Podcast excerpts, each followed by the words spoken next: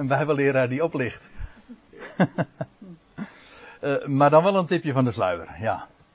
Hartelijk dank voor de introductie. Ook voor mij kant een hele goede avond allemaal. En wij gaan verder met uh, onze bespreking van het Johannes-evangelie. En het is de achttiende avond, zoals Ari zojuist aangaf. Maar daar zullen nog heel wat avonden, zo wij tijd van leven hebben, volgen. Dat kan niet anders. Want het is een lange evangelie. Lange hoofdstukken ook. Dat blijkt wel uit uh, alleen dit hoofdstuk al. 71 versen, maar liefst. En vanavond zullen we zeker ook niet het einde bereiken. We hebben de vorige keer ons bezig gehouden met die eerste versen. De eerste dertien versen, zeg ik het goed? Ja, van het zesde hoofdstuk. Spijziging van de vijfduizend. En dat is het vierde teken dat in het Johannesevangelie beschreven wordt. Van de in totaal acht tekenen. Ik krijg geen protest. Nee. Nou, meestal wordt er eh, gezegd de zeven tekenen van Johannes. Dat, tot op zekere hoogte klopt dat. Maar er is nog een achtste teken. En dat volgt na de opstanding. Dat had je eigenlijk kunnen verwachten. Want acht heeft ook alweer alles te maken met nieuw leven. In het uh, eh, 21ste hoofdstuk. We zullen ons met de telling van die tekenen ooit nog wel een keertje bezighouden. Maar goed. Ik heb een tipje van de sluier opgelicht. Hè? Dit is in ieder geval teken nummer 4 dat Johannes beschrijft. En wat we tot dusver, en het is een voorlopige conclusie, en we zullen daar nog vele malen in bevestigd worden, dat Johannes als laatste evangelist, want zijn evangelie bouwt eigenlijk voort op dat wat Matthäus, Marcus en Lucas beschrijven. En het is een heel andere opzet, dat blijkt uit alles, dan de zogenaamde synoptische evangelie. Johannes is een, een evangelie van een apart soort. Maar Johannes blikt terug op het leven van de Heer Jezus.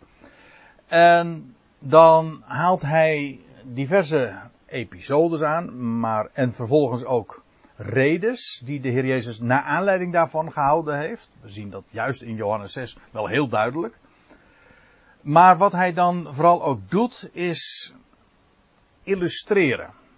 De, de waarheid van het plan van God dat de Heer Jezus is gekomen om aan, tot zijn volk, om het volk nieuw leven te geven en om het koninkrijk hier op aarde te openbaren.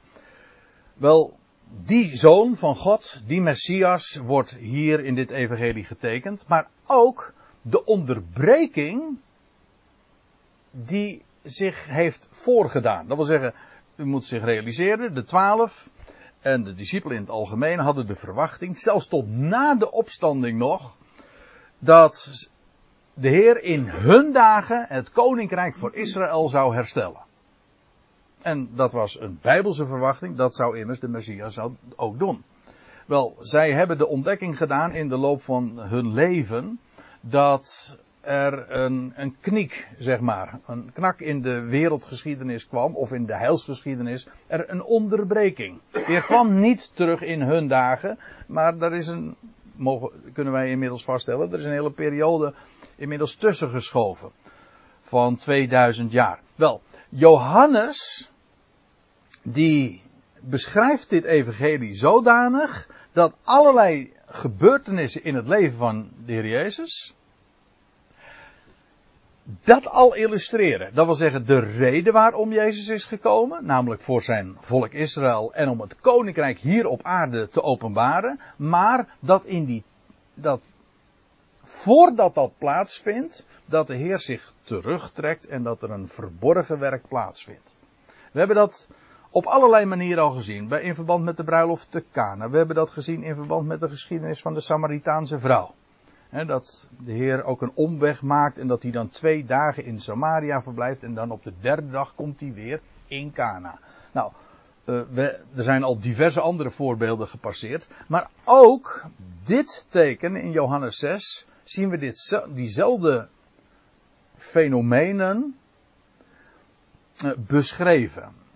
In type. Eigenlijk, dit is illustratief.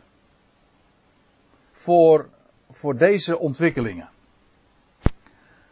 Trouwens, dat het illustratief is, dat blijkt sowieso al. Want als de Heer Jezus deze, dit wonder verricht van, dat, van die wonderbare vermenigvuldiging van het brood.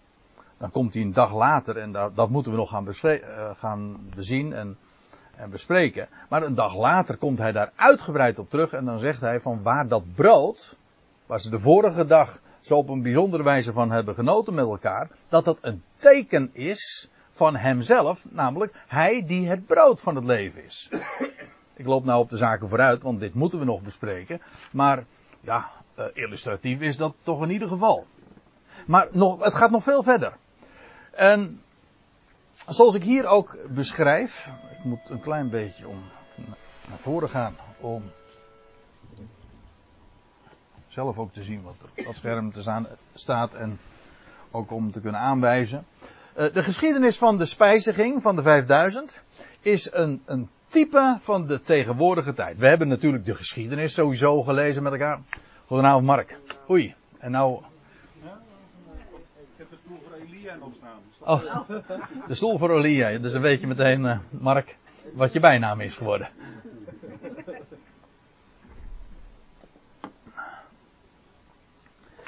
En wij gaan gewoon even uh, alvast verder. Ja. Kijk, we hebben de. Kijk, dan heb je nog de beste stoel ook. voor, voortaan gaat hij altijd te laat komen. Maar we hebben de geschiedenis gewoon gelezen. Dat gewoon wat historisch gezien gebeurd is. Zoals eh, Johannes het beschrijft. Maar er blijkt dus veel meer achter te steken. Het is een type van de tegenwoordige tijd en ik heb dat laten zien. Uh, eventjes de dingen op een rijtje. Waar ook uit blijkt dat het een, een type is. Dat wil zeggen een illustratie, een verwijzing naar. Het is, onder de oppervlakte wordt dit uh, zichtbaar. Het is na zijn verwerping door Jeruzalem. Dat is, wordt beschreven in Johannes 5. Hij was in Jeruzalem verworpen en dan vervolgens komen we pas boem, echt zo. Want dat wat ertussen gebeurt wordt er helemaal niet beschreven. Worden we verplaatst naar de zee van Galilea en wordt dit wonderteken uh, beschreven. Het was na zijn verwerping door Jeruzalem. Het was bij de zee. En ik heb u de vorige keer ook laten zien. De zee, we zullen dat trouwens vanavond wederom zien. De zee is een type van de natie. Dat zie je heel dikwijls. En dat dat zo is, dat zegt dezezelfde Johannes trouwens. Maar dan in een ander boek, in het boek De Openbaring. Dan, als hij in openbaring 17 dan die vrouw, die hoer beschrijft, dan zegt ze, ze is gezeten aan vele wateren. En dan staat er, dat zijn de natieën. Woorden van gelijke strekking. Maar in ieder geval, die wateren, die woelige wateren ook, uh, zijn een type van de natieën. Maar ik zei al, we komen daar straks nog op terug. Het was bij de zee, een type van de natieën.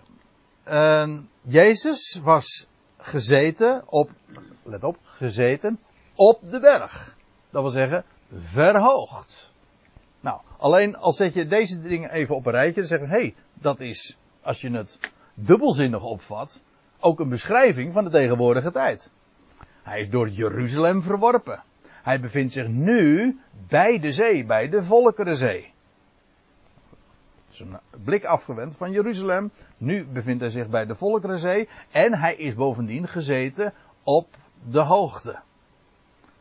Verhoogd. En trouwens ook met de kring van discipelen om hem heen. Dan lees je over gerstebroden. En ik heb u toen ook uh, verteld, de vorige keer, dat gerst verwijst sowieso naar de opstanding. Waarom? Nou, laat ik dat dan meteen nog eventjes zeggen. Weet u het nog? Herinnert u zich, hoezo verwijst Gerst naar de opstanding?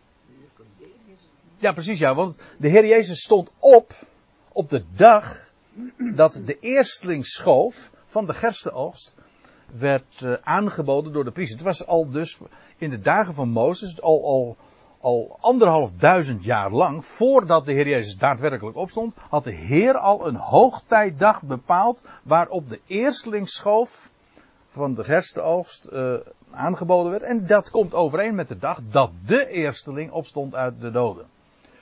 En dan uh, gaan we nog maar helemaal voorbij aan de bijzonderheden van gerst en gerstebrood. Uh, dit is even in dit verband genoeg. Uh, we hebben nog iets gezien, namelijk dat de twee vissen die in deze geschiedenis een rol spelen, symbolisch zijn. Tot op de dag van vandaag. De vissen, de twee vissen, staan voor, uh, voor het hele christelijke tijdperk. Hè? Voor het tijdperk waarin, waarin Jezus' discipelen, immers vissers, vissers van mensen werden. Die vissen staan symbool. De ichtes, denk daar ook even aan, aan uh, als symbool van de tegenwoordige tijd. En dan heb ik nog een heel eng woord hier in dit verband gebruikt. Waar sommige mensen kippenvel van krijgen, maar goed. Uh, astrologisch gezien. Ja. Zo hebben we het toen ook uh, bezien. Per slotverrekening, de hemelen vertellen Gods eer. Die vertellen niet ons verhaal, Kijk, dat is onzuiver astrologie. Maar astrologie in de bijbelse zin van het woord is dat er een sprake uitgaat, logos, van de sterren, astro. Ast, dat is zuivere astrologie, het woord dat uitgaat van de sterren. En wel, wij leven vandaag in het vissentijdperk, eigenlijk aan het einde van het vissentijdperk, en we gaan nu over naar een New Age een nieuw tijdperk, het tijdperk van de waterman, oftewel van Aquarius. En op die overgang zitten we nu.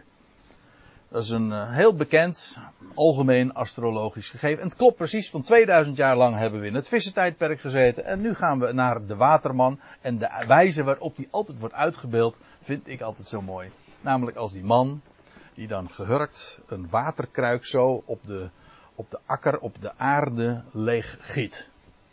En die waterman, die Aquarius, die verwachten wij. Die straks stromen van zegen zal laten neerplensen op deze aarde. Dat is de echte New Age. Godswater over Gods akker laten lopen? Ja, die godswater over Gods akker laat lopen. Ja. Weten we ook meteen waar dat spreekwoord van spreekt. Gods water maar over Gods akker laten lopen. Eigenlijk een heel goed idee, hè? Maar goed, dat was uh, wat we zo hebben gezien over die twee vissen. Uh, nog eventjes uh, onze reminder. Na de maaltijd waren er nog twaalf korven over. En uiteraard die twaalf korven, kan, dat kan niet missen, dat spreekt van wat er overblijft voor Israël. Weliswaar spreekt die spijziging van de vijfduizend daar in de hoogte van de tegenwoordige tijd waarin de Heer rijkelijk uitdeelt, brood uitdeelt, maar er is nog over. Er komt ook nog een tijd voor Israël. En feitelijk zullen we dat straks ook zien als, als we het vijfde teken beschreven vinden, namelijk dat van dat de Heer over het water gaat. Maar goed. Eén ding is zeker dat wat we vandaag meemaken, dat is niet alles. Nee, er is nog zoveel meer. En dat getal 12 is in dit geval natuurlijk ook wel veelzeggend. Type van wat overblijft voor Israël. En uh, wat we ook nog, en dat is het allerlaatste wat we de vorige keer hebben gezien. Uh, de vijf broden die die jongen aanbiedt, helpt niet veel. Maar uh, in de handen van de Heer meer dan genoeg. De vijf jongen, de vijf broden van de jongen die komen overeen met de vijf broden die David vroeg uit het heiligdom. Een hele opmerkelijk parallel. We hebben dat aan het einde van de avond nog even gezien. Ik geloof niet dat ik er zo heel erg diep meer op ingegaan ben. Maar het gaat me even om de, om de, om de lijnen die zo parallel lopen. En die eigenlijk ook weer spreken van dezelfde dingen. David, hoe mooi, hoe mooi. David, die ook uh, in die geschiedenis. Hij is op de vlucht voor, voor Saul. Hij is nog, hij is gezalfd tot koning. Dus hij is bestemd om de Messias te zijn en te regeren. Maar dat, zover is het nog niet. Hij wordt verworpen. En in die tussentijd heeft hij manschappen bij zich. En die voedt hij dan uh, met brood uit het heiligdom. Dat is die geschiedenis dat hij bij Achimelech komt. Dat komt dus precies ook weer overeen met wat Johannes hier beschrijft. Die spijziging van de 5000 heeft te maken met de tegenwoordige tijd. Maar als David bij die, uh, die, die mans, zijn manschappen geeft van, van die broden.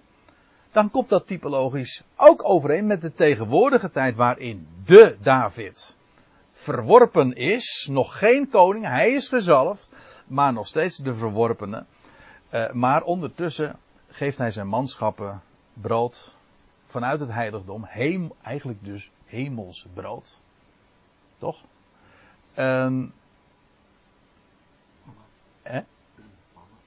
En feitelijk dan ook weer manna. Maar ja. Ja. Brood des levens. Brood vanuit de hemel. Maar uh, dan heb ik er trouwens nog eentje. Hij was koning. David was bestemd om koning te zijn. Was, daartoe was hij ook al gezalfd. Maar ik moet erbij zeggen. Wat David hier deed. Dat was niet koninklijk. Dat was priesterlijk. Want dat brood wat hij kreeg uit het heiligdom. Dat was bestemd. Exclusief voor de priesters. Waarna je natuurlijk de vraag kan stellen van was dat dan wel geoorloofd en zo. Kijk, en dan, en dan, dan betrek je het, haal je het meteen weer in de wettische sfeer. Mocht dat nou wel of mocht dat nou niet? Later hebben de discipelen dat ook gedaan. Kwamen ze ook een keertje bij Jezus. En, en dan brengt die, dezezelfde geschiedenis ook ter sprake. Hebt gij niet gelezen? Over, dat was op een Sabbat. Maar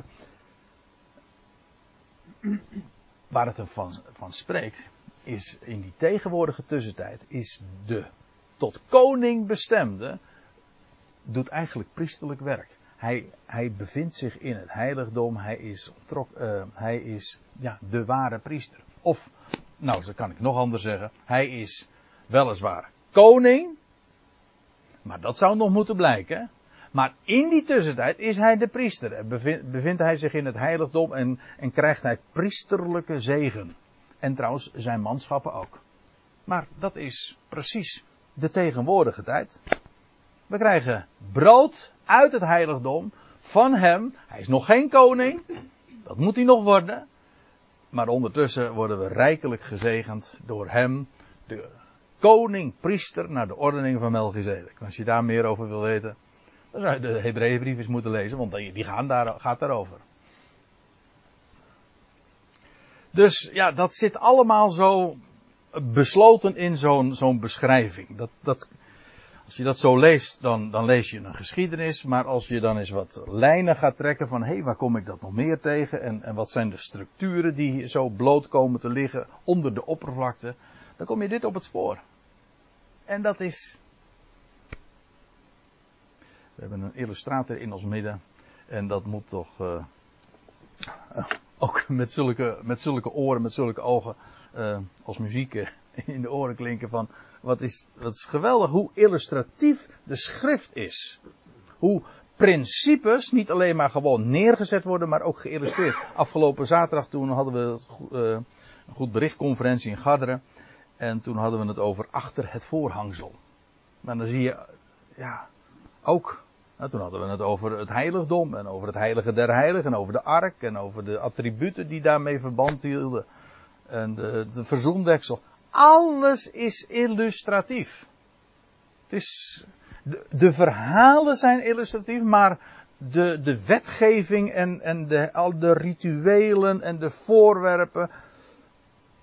Oké, het spreekt misschien in de directe zin niet tot de verbeelding, dat is waar. Het is heel taai om door gewoon maar plat te lezen.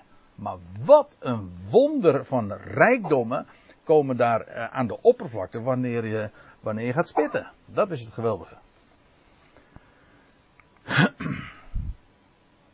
Ja, oh, dan wil ik nog één ding doen. En dat is uh, even een één kort vergelijk maken met een geschiedenis die daar als twee druppels water op lijkt. Je hebt de spijziging van de 5000. Die hebben we de vorige keer dus besproken. En, maar je hebt ook nog een geschiedenis die bij een latere gelegenheid plaatsvindt. En, zeg ik het goed? Ja. Bij, en dus, dat is de spijziging van de 4000. En dan wil ik u wijzen op een bijzonder ding. Bij de geschiedenis van de spijziging van de 4000 man, vrouwen en kinderen niet meegerekend. Daar lees je dat er in aanvang zeven broden beschikbaar waren. En wat bleef er over? Zeven korven. Nu hebben we het over een geschiedenis waarbij er 5000 man gespijzigd wordt. Dat begon met vijf broden. En wat is er over? Twaalf korven. En zet dat nou eens een keertje tegen elkaar aan. Uh, af. Hoe groter de behoefte. En ook hoe geringer de menselijke in, inbreng. Des te meer is de overvloed van genade. Kijk, bij 4000 man was er minder nodig dan bij 5000 man. Maar hier had je nog. de overvloed is veel groter. En, maar hier had je ook nog. Eh, de menselijke inbreng was. De mens had nog zeven broden. Ik zeg, dat was ook niks trouwens hoor. In verhouding. Nee, maar toch. Daar had je zeven broden. En hier had je maar vijf broden. Maar hier hield uiteindelijk men twaalf korven over. Voor veel terwijl er zoveel meer uh, nog was aan, aan, mannen en mensen. En terwijl er nog veel minder uh, had de mens aan te bieden. Een, een prachtige vergelijking. Kijk, zo werkt God. Hij is niet afhankelijk van ons. Het lijkt wel, het lijkt wel omgekeerd. Het lijkt wel, hoe minder de mens heeft, hoe groter hij blijkt. En ook hoe groter onze behoefte is, des te meer geeft hij ook. Ja. Nou, dat is dus uh, genade.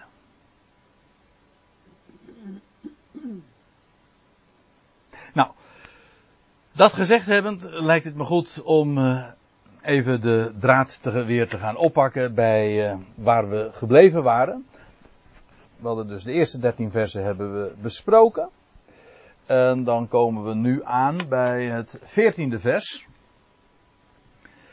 En dan lees je, toen dan de mensen zagen welk teken hij verricht had. Dat kon hen natuurlijk ook niet ontgaan. Ik bedoel, ze zullen het wonder zelf niet hebben gezien. Trouwens, in geen van de evangelie wordt ook beschreven waar het wonder plaatsvond. In Jezus' handen, dan wel bij de distributie, dus toen, de, toen het eh, rondgebracht werd. Uh, maar hoe dan ook, ze kregen allemaal genoeg. Dat was, uh, daar, gaat het maar om. Toen dan de mensen zagen welk teken hij verricht had, niet dat ze wisten wat het betekende, maar dat het een wonderteken was, was wel duidelijk. Zeiden zij, deze is waarlijk de profeet. Let op het bepaalde lidwoord. Niet zomaar, hij is waarlijk een profeet. Nee, hij is waarlijk de profeet die in de wereld komen zou. En dan moet je dat ook wel even met, uh, met Joodse oren beluisteren. Want de profeet die komen zou, ja, dat, is, dat heeft een hele messiaans aureool, als ik het uh, zo mag zeggen, uh, om zich heen. Want het herinnert namelijk aan een profetie die ooit is gegeven door Mozes zelf. En dan lees je in Deuteronomium 18, want daar gaat het over, dat Mozes zegt, een profeet uit uw midden, dat zegt hij dus tegen het volk Israël, een profeet uit uw midden, uit uw broederen, zoals ik ben, zal de Heere, uw God, u verwekken. En naar hem zult ge luisteren. Dan sla ik even over en dan lees je dat, dat God zelf tegen hem zegt ook. En dan is Mozes zelf degene die eh, de mond is. Een, een profeet zal ik, hier is dus de Heer zelf aan het woord, een profeet zal ik hun verwekken uit het midden van hun broederen, zoals gij, Mozes, zijt. Ik zal mijn woorden in zijn mond leggen. En hij zal alles tot hen zeggen wat ik hem gebied. Trouwens, als u hier een mond leest, ik zal het in zijn mond leggen, dan, dan komt daarin ook de Hebreeuwse betekenis van het woord profeet uh, in mee, want een profeet betekent, in het Hebreeuws tenminste, uh, letterlijk een mond. Een profeet is eigenlijk niks anders dan de mond van God. Hij spreekt Gods woord, maar het, Gods woorden worden gesproken door de mond, namelijk de profeet. Een profeet is dus eigenlijk niks anders dan de mond van God. Het zijn Gods woorden, maar het is de profeet die het, door wie het naar buiten komt. Ik zal mijn woorden in zijn mond leggen. En hij zal alles tot hen gebieden wat ik hem, uh, wat ik hem gebied. En later wordt deze profetie dan ook weer aangehaald door Petrus, want het is, dat dit inderdaad de Messias is, dat kan niet missen. Want dan lees je in Handelingen 3 dat Petrus daar in de zuilengang van Salomo aan het woord is, nadat dat wonderteken had plaatsgevonden van die verlamde die genezen was. En dan lees je dat Petrus het, het woord voert en dan zegt hij, en ik val nu midden in het betoog, en dan zegt hij, en hij, God, de Christus, de Messias, die voor u, eigenlijk meervoud, die voor jullie, Israël, tevoren bestemd was, Jezus zenden. Let op. Voor wie was Jezus bestemd? Voor wie was de Christus bestemd? Voor Israël. In de eerste plaats. Jezus kwam ook tot de zijnen. Tot zijn volk. Feitelijk, feitelijk zelfs exclusief. Ik ben slechts gezonden tot de verloren schapen van het huis Israëls. Hij was voor hen tevoren bestemd. En, maar Peter zegt, hij zal ook weer terugkeren.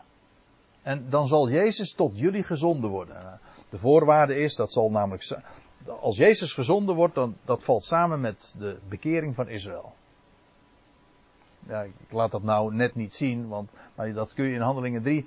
In de voorgaande versen staat er precies van: komt tot berouw en bekering, opdat, opdat er tijden van verademing mogen aanbreken. En dat God dan de Christus, die voor jullie tevoren bestemd was, Jezus zal zenden.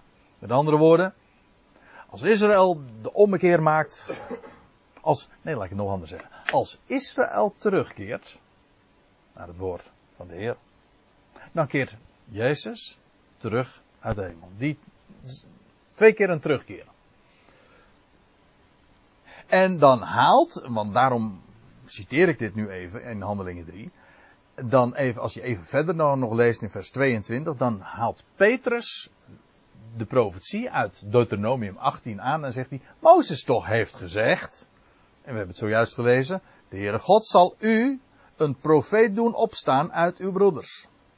Waarbij doen opstaan natuurlijk wel heel dubbelzinnig is. Hè? In dit geval. Die profeet is opgestaan. Een profeet gelijk mij. En naar hem zult gehoren in alles wat hij tot u spreken zal. Met andere woorden, die eh, profeet die Mozes al had aangekondigd, een profeet van dezelfde statuur als Mozes was. Eigenlijk nog veel meer natuurlijk.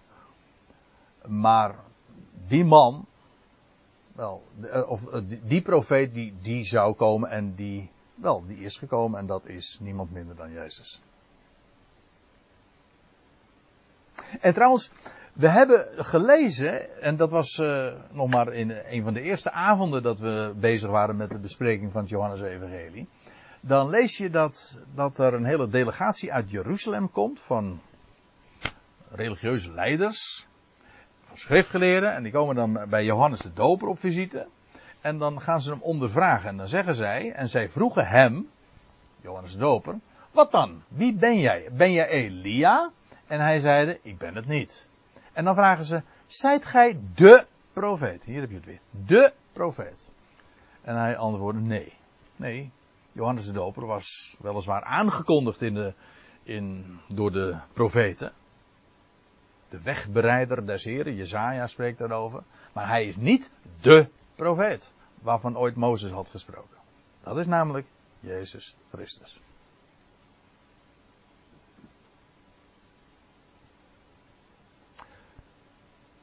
Dus, uh, als, nou ga ik even terug.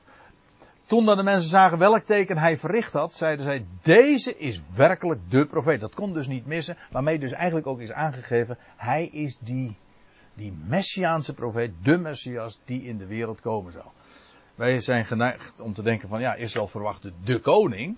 Dat is zo. Maar die koning is ook de profeet.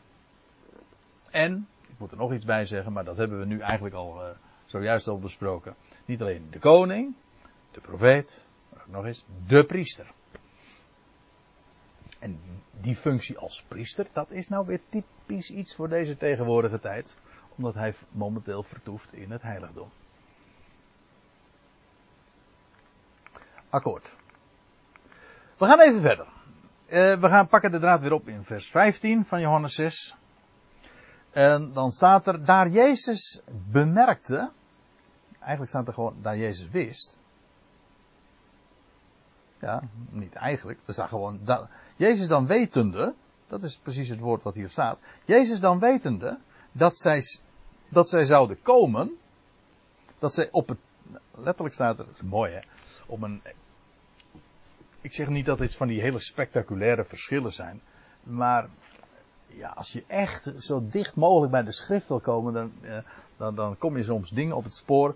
Hier, zo'n interlineair laat zien. Nou ja, die eerste regel die, die uh, leest u misschien niet echt mee. Maar het gaat dan vooral om die meest letterlijke weergave, die groene regel. En daaronder zie je dan, ja, zoals men het in de MBG 51 heeft weergegeven. Jezus dan wetende dat zij op het punt stonden, uh, dat zij, zij staan op het punt te komen. Hm? Hij, hij, wist dat. Zo heeft Johannes het opgetekend met die, die, uh, met die uh, precisie, zeg maar. En daar Jezus dan bemerkte dat zij op het punt stonden dus te komen, stonden te komen en hem met geweld meevoeren om hem koning te maken, trok hij zich weder terug in het gebergte geheel alleen. Eerst even dit. En hem met geweld meevoeren. Dat is interessant. Want hier wordt een woord gebruikt. Uh, in de interlineair wordt het met grissen vertaald.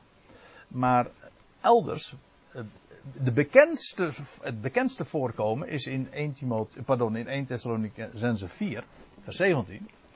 Waar het vertaald wordt met ja, hangt er ook weer vanaf welke vertaling, met wegvoeren, maar eigenlijk is het gewoon wegrukken. Het is namelijk echt met geweld wegrukken. Dat is het woord wat hier gebruikt wordt. Het is eigenlijk heel opmerkelijk dat we in het Nederlands daar zo'n heel, eigenlijk een gezapige term voor hebben. Voor die gebeurtenis in 1 Thessalonicense 4. Wij zeggen dan over de opname. De opname. Dat is haar zo van. Uh, ja. Muziekenfonds? Particulier. Maar het is niet de opname. Nee, het is een wegrukking. In het Engels is, hebben ze dat veel beter uh, trouwens uh, bekeken. Want dan hebben ze het over de rapture. En inderdaad, dat heeft trouwens nog weer met het, uh, to, met het Engelse werkwoord to rape te maken. Verkrachten. Dat is dus echt met geweld. Een rapture is dus echt met geweld wegrukken. Nou, dat woord echt wegrissen. Of grissen. Wat is het? Maar dat woord wordt gebruikt. Uh, Jezus wetende dus dat ze op punt stonden om met hem dus met geweld mee te voeren. Waarom? Wel om hem koning te maken. Maar Jezus wist dat, dat ze zouden komen. Uh, hij trekt zich terug. Dus, eh, als je daar even goed over nadenkt, van, is toch eigenaardig? Misschien. Zo op het eerste gezicht is het eigenaardig. Dan denk je van nou, nu de, de beloofde koning is gekomen. En nou willen ze hem daadwerkelijk ook koning maken. En hij trekt zich terug. Nou ja, de reden. Ik, heb het, ik, had, ik had nog even moeten wachten. Want uh, de, waarom het toch dan niet zo vreemd is, is vanwege deze twee elementen die ik hier uh, dan noem op de dia. Het was de verkeerde tijd. Het was nog niet de tijd. Jezus is koning. Hij zal, hij zal ook straks daadwerkelijk koning zijn. Zoals David hè, ooit uh, ook uiteindelijk wel degelijk koning werd. Maar hier nog niet het was trouwens, u weet ze, u, uh, herinnert u zich nog dat deze gebeurtenis plaatsvond in de tijd van Pascha? Dat hadden we gelezen, hè? Het was de tijd van Pascha. Dat hadden we gelezen in, goh, ik weet niet meer precies welke. Ja, vers 4 staat er. En, en het Pascha, het feest, de Joden was nabij. Wel. Eh, rond die tijd vond dit dus plaats.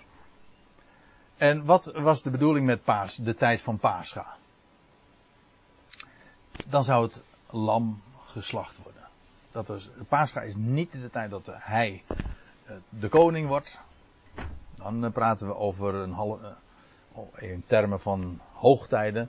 Dat is, een heel, dat is de tijd van de, de bazuingeschal. En dat is de tijd van Yom Kippur. was eergisteren, nietwaar? En... Wat zitten jullie te lachen?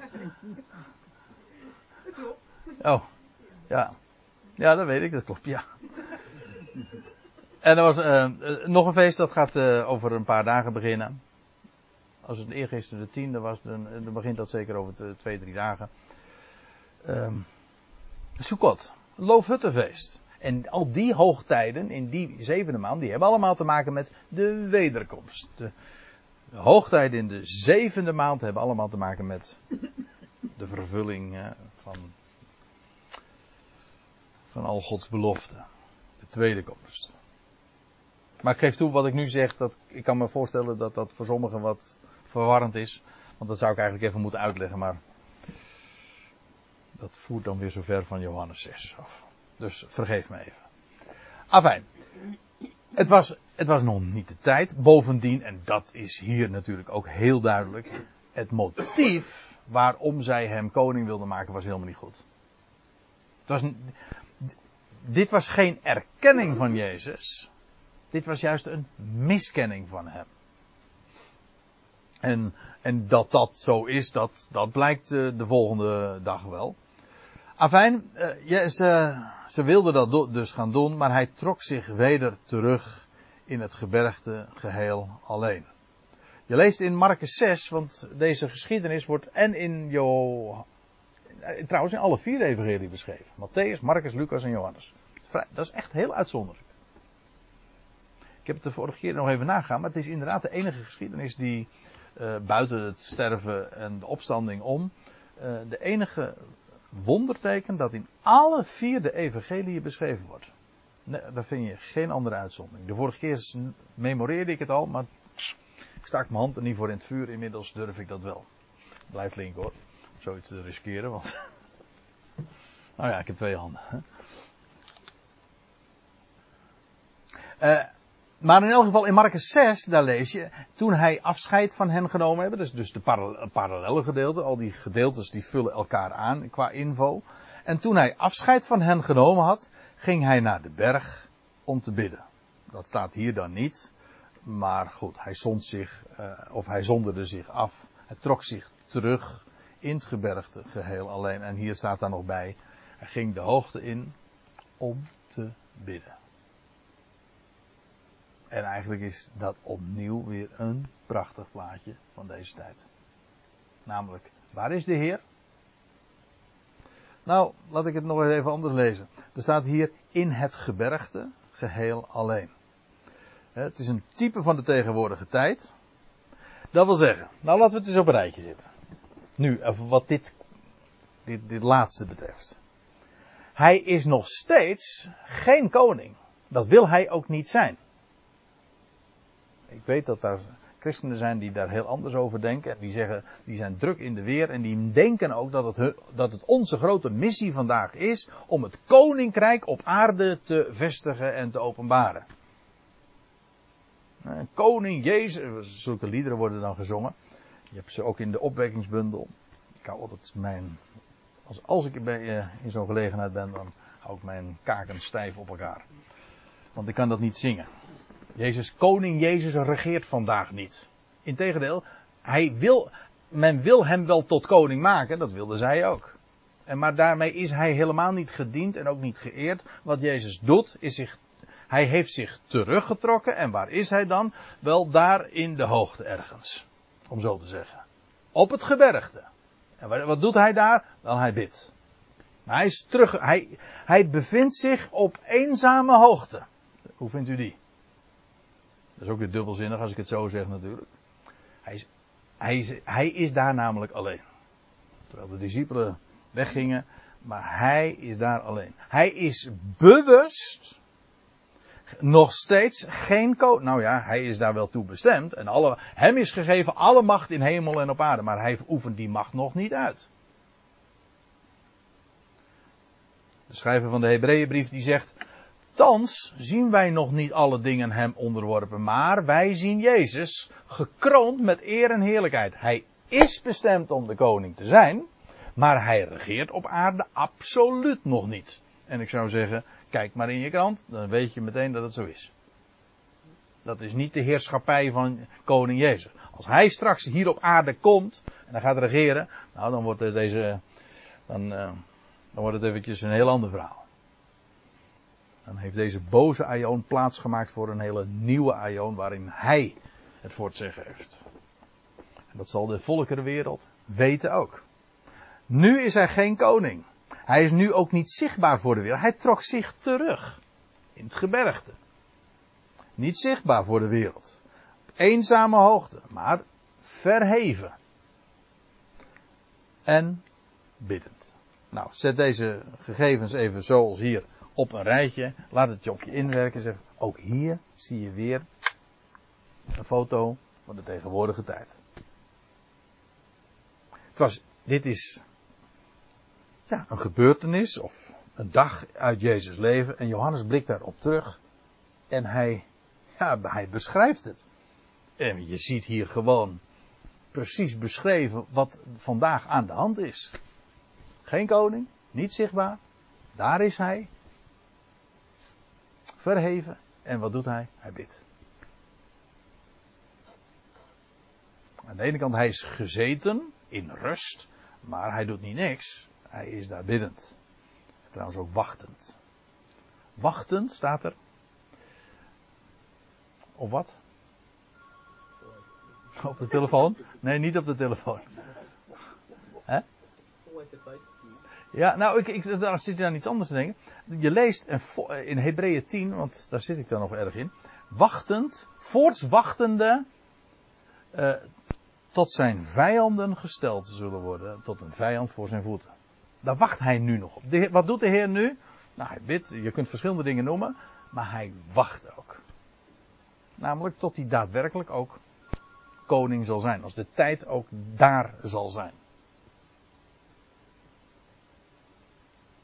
Daar is hij dus. en dan lees je in vers 16. En toen het avond geworden was, gingen zijn discipelen naar de zee.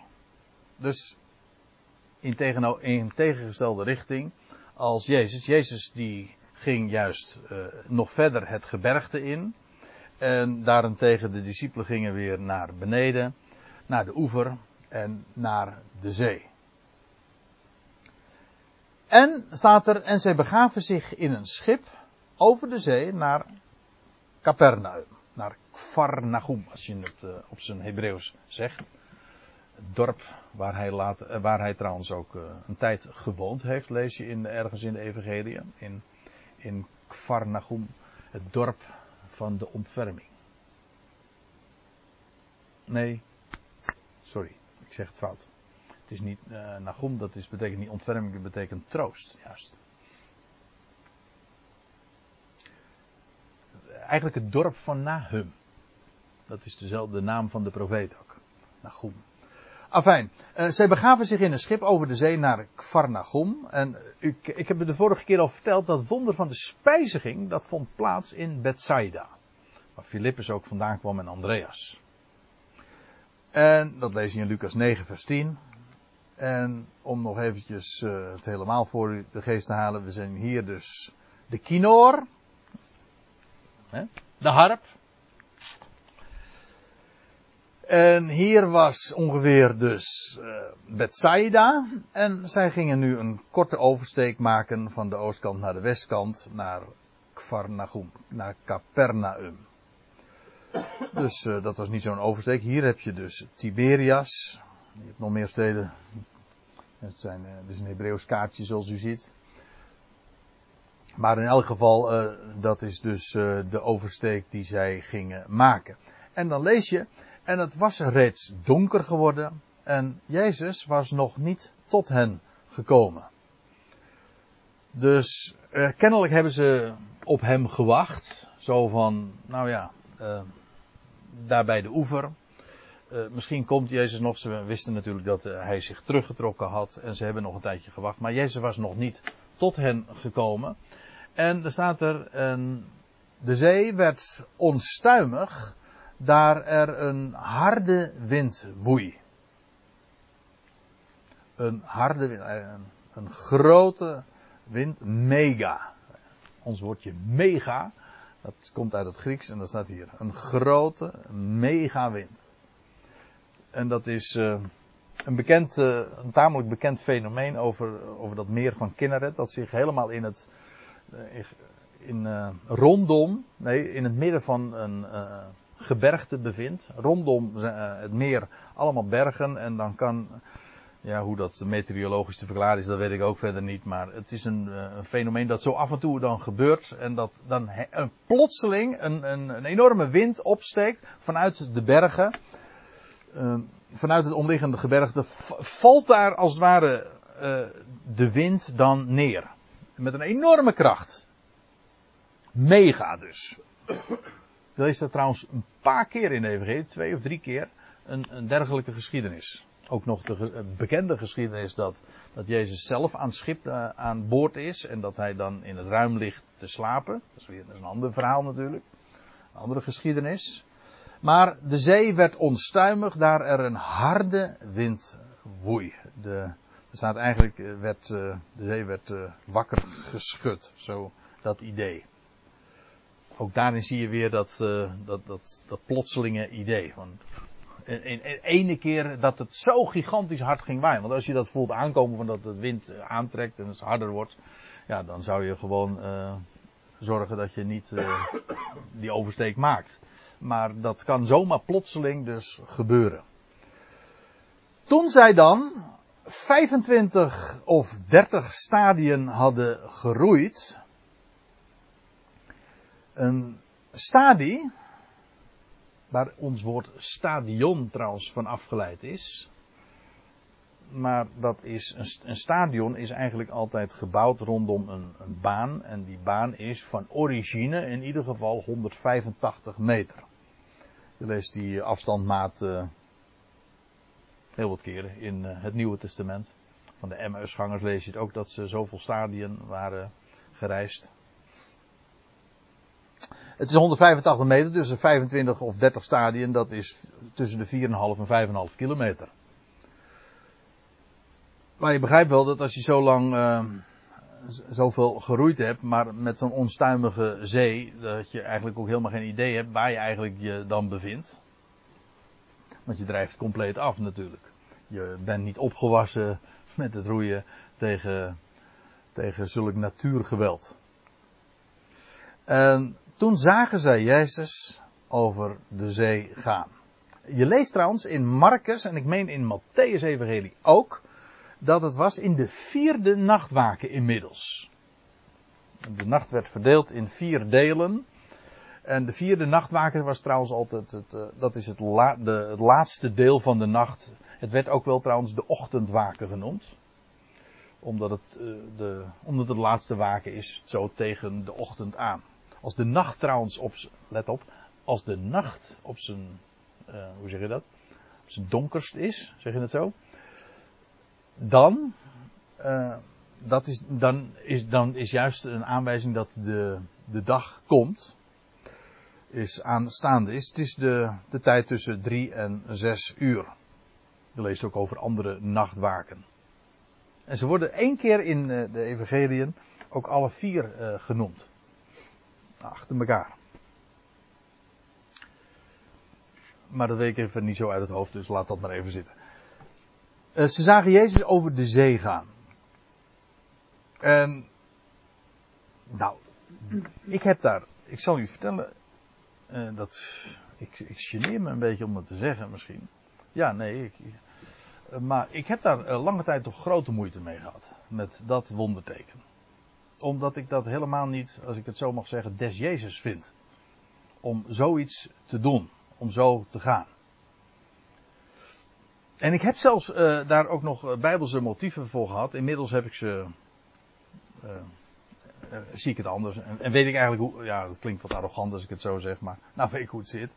En nou heb ik er geen moeite meer mee. Niet, ik heb, eh, niet, niet met het feit dat er een wonderteken gebeurt, want ja, als ik, als ik daar problemen mee zou hebben, kan ik beter mail bij Bijbel weggooien. Hè? Maar, nee, dat was het punt niet zozeer, maar ik vond het niet, uh, waar, ik, waar mijn moeite lag, was het feit dat het, dat Jezus over de zee zou, uh, over het water zou wandelen. En ik, ik had juist ook dat ook wel gegrond, of in ieder geval mijn, mijn twijfels daarover gehad, juist op basis ook van Johannes 6, want dan lees je, ja, dat ze zagen, ik legde dat zo uit, laat ik het dan eventjes zo vertellen. Gewoon, ik ben even open en eerlijk.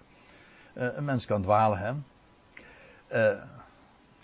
Wat trouwens ook maar weer aangeeft uh, waarom je altijd als gehoor, dat zeg ik tegen u dus, altijd kritisch moet zijn. Want, hm, niet waar? Nou, wat er gezegd wordt. Maar goed. Uh, waarom dacht ik dat? Omdat je. Zij, ik, ik dacht dat het zo was. Omdat je leest dat als de, zij dan Jezus zien en zij ontmoeten hem, dan zijn ze terstond bij de oever staat er. Toen dacht ik, aha, dus ze dit, dit, dit, deze ontmoeting vond plaats op de oever, of terwijl Jezus over de oever liep. Ze zagen hem, ze dachten dat ze midden op zee waren, en ze zagen hem uh, over het water lopen, maar in werkelijkheid liep hij gewoon daar keurig over de oever. Zo legde ik dat dan uit. Dus toen dacht ik van, dus Jezus liep helemaal niet over het water. Ze zagen hem alleen maar over het water lopen.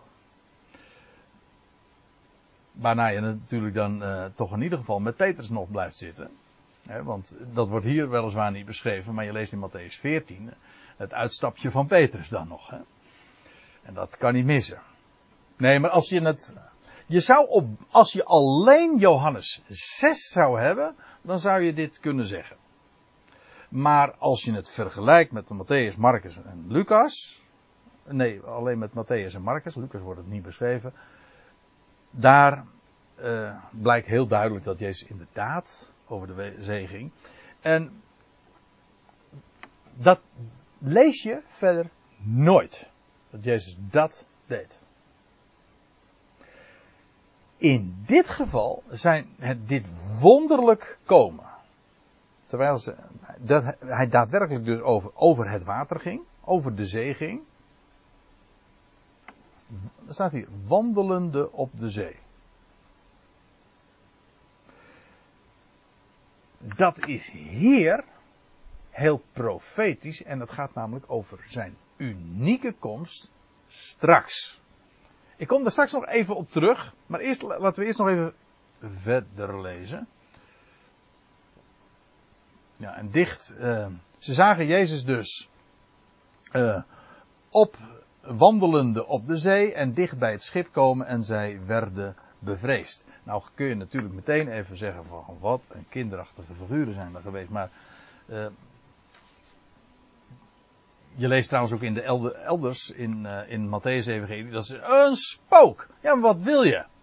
je de zee is zo onstuimig. Je, je leest ook uh, in, in het Matthäus Evangelie dat ze echt dreigden te vergaan. Dus ja, je, hun laatste uur, menselijkerwijs gesproken, was geslagen. En dan, u, uh, of je bent dan vele sta, een aantal kilometers van de oever. En dan zie je ineens over de zee, zie je iemand, nou laten we even aannemen dat hij daar in, uh, in wit gekleed was. Dan zie je een, een gestalte over het water gaan. Nou, wat is het eerste wat je dan zegt? Help een spook. Ja, nee, ik bedoel, dat is toch heel reëel? Dat, uh, zo, zo, gek is dat toch ook weer niet? Zagen ze niet gelijk dat het Jezus was? Nee. Dat staat er toch? Waar? Uh, ja, maar, ja, maar of je, daaruit blijkt. Uh, ze, ze, zagen Jezus wandelen, maar dat het Jezus was, dat. dat want, nou, ik vind het wel een goeie, maar je leest in Matthäus ook dat. nou, moet ik het eventjes erbij opslaan. Even kijken hoor. En ze schreeuwde, toen de, in Matthäus 14 vers 25, en toen de discipelen hem over de zee zagen gaan, werden zij verbijsterd en zeiden, het is een spook. Dus ja, dat, dat zeg je niet als je weet dat het Jezus is. En ze schreeuwden van vrees. Terstond sprak Jezus hen aan en zei, houd moed, ik ben het, wees niet bevreesd. Nou, dan pas wordt het hen duidelijk. Dus ze zagen Jezus wel, maar ze wisten aanvankelijk nog niet dat het Jezus betrof. Nou, ik stel voor eerst even gaan pauzeren.